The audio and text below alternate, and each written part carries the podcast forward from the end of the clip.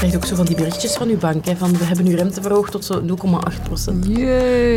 Waarom gaat de rente op ons spaargeld maar niet omhoog? Ik beschouw Assad helemaal niet als een president. En taak van een president is dat hij die mensen en zijn land beschermen. Maar wat heeft Assad voor ons gedaan? Hoe komt het dat de Syrische dictator Assad weer welkom is op een internationale top? Ik heb een nest hoornaars. Soms denk ik zo van, ah, weet je, nu met een drone aan het vliegen. Maar dat is, hij maakt veel lawaai. Hè. Dat is echt zo... En wat doe ik als ik een hoornaar zie?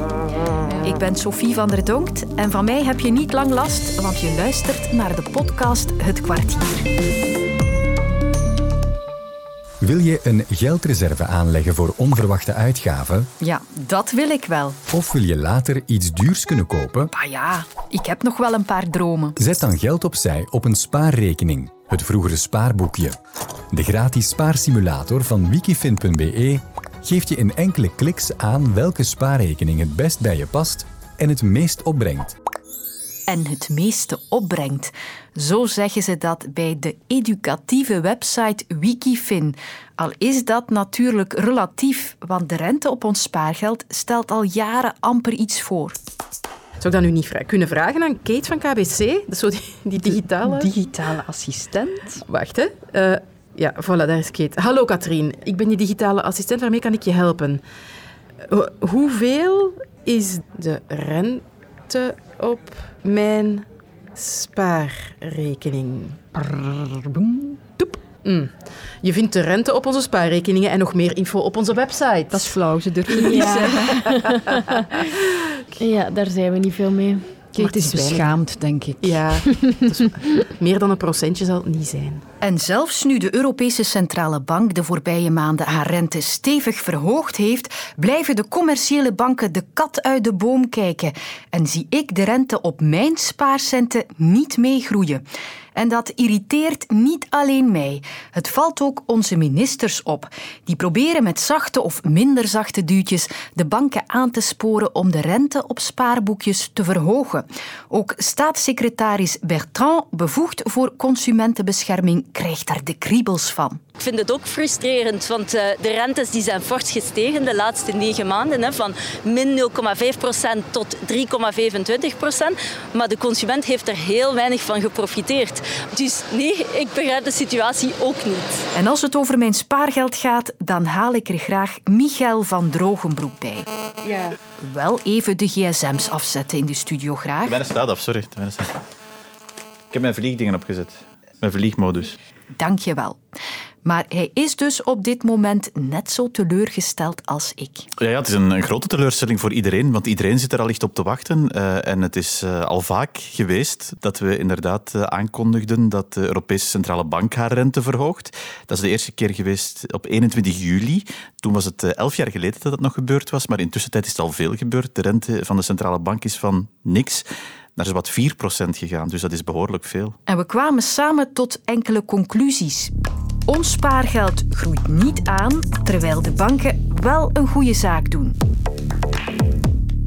is wel de bedoeling, dat is geen geschreven regel, maar dat is wel de geplogenheid dat uh, het rentebeleid van de centrale bank dat dat min of meer de toon zet voor wat uh, commerciële banken geven. Dat is natuurlijk niet één op één of niet meteen één op één, maar op de lange termijn zou dat wel uh, mogen gebeuren en dat zien we niet. En zij doen er wel een goede zaak aan, maar dat moet je wel zeggen. De rente die, die zij krijgen op het deel van ons geld dat ze niet inzetten om uit te lenen, dat gaat naar de Europese Centrale Bank en zij krijgen wel die hoge rente. Dus op dat vlak is het op dit moment uh, voor hen uh, rinkelde kassa, zou je kunnen zeggen. En geld lenen wordt intussen alsmaar duurder. Dat is best zuur. Ja, en dat, dat maakt het nog wat wranger misschien, dat er geen rente is op die spaarboekjes. Want inderdaad, als je geld leent, ja, de voorbije jaren, maar dan moeten we al iets verder teruggaan, was dat ook heel laag, die rente. Dat was trouwens ook de bedoeling van die lage rente van de centrale bank. Uh, maar die rentes die zijn gestegen en dat hebben we wel al gezien. Dat hebben banken wel meteen doorgerekend.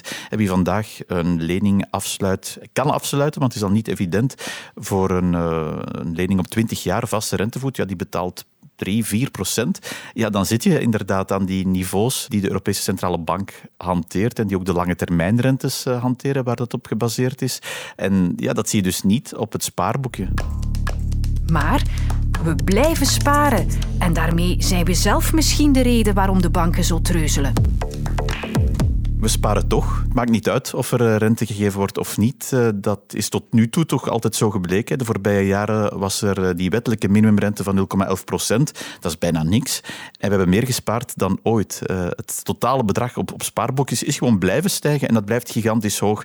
Dus we sparen omdat we het vertrouwen. Het is natuurlijk een, een, een zeer zekere, veilige manier om je geld weg te zetten, een spaarboekje.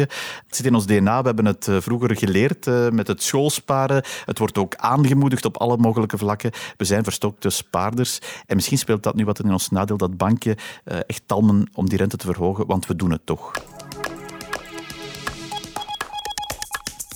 Een opmerkelijke comeback op het politieke wereldtoneel, want de Syrische president Assad mag weer aan tafel gaan zitten met de landen van de Arabische Liga.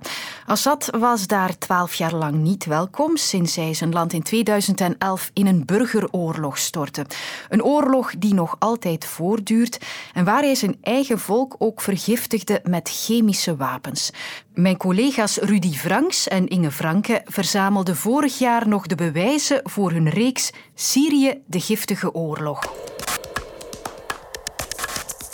En dan is het ontluisterend om te zien hoeveel er geweten en bewezen is dat het Syrische regime voor het overgrote deel van die chemische aanvallen verantwoordelijk is. En dat je dat eigenlijk niet vertaald ziet op het internationale toneel qua reacties, zowel in woorden als in daden. Meer dan duizend mannen, vrouwen en kinderen overleven de chemische aanval in goed dan niet. Je kan achteraf niet, niet zeggen, we hebben het niet geweten. Maar gaat er ooit gerechtigheid komen? Dat heeft altijd te maken met... Politieke wil. Politieke wil en macht. Hè? Ga je Assad ooit voor een rechtbank krijgen? Zover zijn we zeker nog niet. Assad zit nog op zijn plek. En meer zelfs, hij raakt wat uit zijn isolement. En nu is hij dus uitgenodigd bij de 21 andere landen van de Arabische Liga. Tunesië, Egypte, Irak enzovoort zijn daarbij. En dus ook gastland Saudi-Arabië. Masht Khalife, hallo. Goeiedag. Jij volgt voor ons de regio. Ik wist niet dat de Saoedi's overeenkwamen met Assad. Ja, die verzoening stond al een tijdje eigenlijk in de sterren geschreven. Uh, wij zagen Saudi-Arabië al verzoenen uh, net voor het WK met Qatar, een heel belangrijke verzoening. En dan een paar weken geleden is er een grote verzoening gekomen met Iran. En dan heb je de facto, als je verzoent met Iran, dan ben je wel zachtjes aan het verzoenen met Assad. En nu is het on the record dus dat Assad eindelijk verwelkomd wordt in Saoedi-Arabië, grootste vijand tot een paar jaar geleden. Niet alleen omdat Saoedi-Arabië zomaar tegen het regime van Assad is altijd geweest in de oorlog, maar ook omdat die actief de oppositie ging bewapenen en financieren. Wat zit daarachter? Uh, omdat Saudi-Arabië belangrijk vindt, ook voor zichzelf, om weer zich te profileren als grootste politieke macht in de regio. En je kunt geen enkel akkoord sluiten, een belangrijk akkoord sluiten, zonder dat Saudi-Arabië mee betrokken is. Ze willen ook erbij andere soort dossiers proberen op te lossen. Hopelijk dan, zeg ik. Veilig terugkeer van de vluchtelingen, dat is een heel belangrijk dossier dat ze willen oplossen. Namelijk ook export van drugs vanuit Syrië naar de regio. Ze willen ook andere soort um, politieke dossiers oplossen. Aanwezigheid van Rusland, Iran, Hezbollah enzovoort in Syrië. We gaan zien of het lukt of niet of Assad effectief een partner eh, de facto kan zijn in het, in het werken, samenwerking met, met Syrië richting eender welke oplossing, dat moeten wij nog zien. En dan is dat een keerpunt toch, dat hij daar aanwezig mag zijn op die top? Het is absoluut een, een politieke keerpunt. Het is de bekroning van de verzoening met Assad die we eigenlijk zagen de afgelopen maanden. En dat hij nu effectief fysiek ehm, weer aan tafel mag schuiven, is het eigenlijk ja, officieel dat hij niet meer als paria uh, wordt beschouwd. Je hebt de terugkeer van de vluchtelingen net aangehaald. Ja, door de oorlog zijn veel mensen gevlucht, ook naar België. Je hebt uh, met twee Syriërs gepraat. Zet even je hoofdtelefoon op, dan kunnen we luisteren naar een paar fragmenten die ik uh, geselecteerd heb. Ik mis Syrië heel erg. Ik mis veel mensen daar. Um, ik mis de geur van mijn land. Maar ik durf niet te gaan. Want ik weet niet, als ik deze stap ga zetten, ga ik verder leven? Ik ben in Syrië opgevoed. Mijn kindertijd was ook in Syrië. Uh, ja, dat is gewoon mijn moederland. Uh, mijn ouders zijn nog daar. Ik heb vrienden daar. De, enige reden waarom ik gevlucht ben, was de oorlog. Ja, dat moet wrang zijn voor hen. Hè. Zij kunnen niet terug naar hun land en ze zien daar dan Assad nu op die Arabische top. Ja, absoluut. En daarom spreken we vaak niet over zomaar de terugkeer van vluchtelingen in Syrië, maar de veilige terugkeer. Want vanuit het regime van Assad zullen ze altijd zeggen van Niemand houdt je tegen, meneer de vluchteling in België. Uh, het probleem is dat je vanaf het moment dat je een voet uh, zet uh, op bodem in Syrië, valt je onder de Syrische wetten. En als je vliegt achter tralies voor een of andere reden, dan heb je weinig kans op buitenlandse of internationale hulp. Eén ding is zeker dat er zeker miljoenen Syriërs die in ballingschap zitten, hem niet meer erkennen als legitieme leider van het land. Gaat Syrië ooit democratische verkiezingen krijgen dankzij die top, dankzij die verzoening met Assad? Dat weet ik niet. En ik denk niet dat iemand daar aan tafel bij de Arabische Liga daarin gelooft.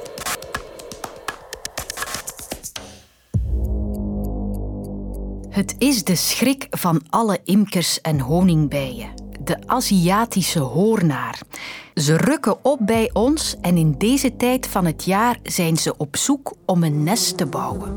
Die gaat echt voor de vliegplank hangen. Ik zal zelf zeggen, zoals een helikopter blijft ter plaatse zweven op een tiental centimeter van de vliegplank. Om dan de binnenkomende bijen af te vangen om deze mee te nemen naar zijn nest om de larven te voeden.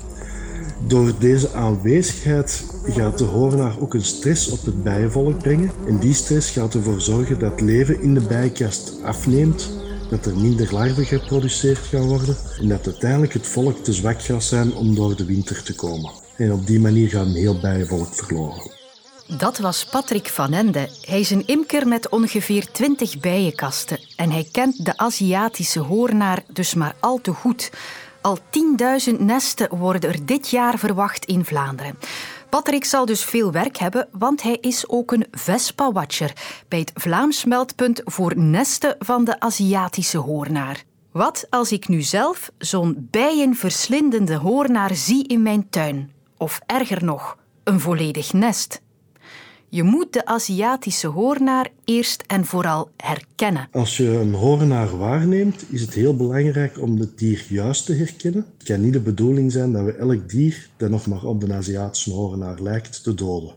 Voor foto's kan je altijd terecht op de site van VespaWatch. Daar staan de uiterlijke verschillen van de verschillende soorten nog eens duidelijk uitgelegd. De Europese hoornaar is geel, zwart, rood. Laten we zeggen de kleuren van de Belgische vlag. De Aziatische hoornaar daarentegen is volledig zwart met één gele band op het achterlijf. En ook waar het heel hard opvalt zijn zijn gele pootjes. Als het om een Europese hoornaar gaat, dan laat je die best leven. Dat zijn onze inheemse hoornaars, die zijn ook nuttig. Maar als het toch de Aziatische hoornaar is, dan moet je iets doen. Als je een individu ergens waarneemt, dan moet je dit melden op waarnemingen.be. Als je een nest waarneemt, dan kan je Vespa best waarschuwen. Dus je neemt best een foto van dat insect dat je mee kan sturen met uh, je waarneming, zodat ook mensen nog eens kunnen bevestigen dat het effectief om de Aziatische hoornaar gaat. Als dat om een nestje gaat dat je op Vespa Watch hebt ingegeven, zal je ook een uh, lijst met verdelgers toegestuurd krijgen waaruit je kan kiezen wie de, de verdelging laat doen. En verdelgen, dat kan op verschillende manieren. De verdelging gebeurt door mensen die hiervoor speciaal opgeleid zijn. Dat kunnen gewoon private verdelgers zijn of Sommige brandweerzones zijn hiervoor ook opgeleid. De manier waarop dat zo'n nestje verdelgd wordt, hangt een beetje af van in welk stadium dat nest zich bevindt. In het begin van het jaar zijn dat eerder kleinere nestjes. Dat begint met een nestje te grootte van een pingpongbal. Dat gaat uitgroeien tot de nestgrootte van een voetbal. Deze nesten gaan wij in mate van het mogelijke proberen te verdelgen zonder gebruik te maken van biocide. Vanaf de zomer dat het tweede nest hoog in de boomtoppen hangt, dan moeten we wel gebruik maken van biocide om deze met een uh, lange lans in het nest in te spuiten.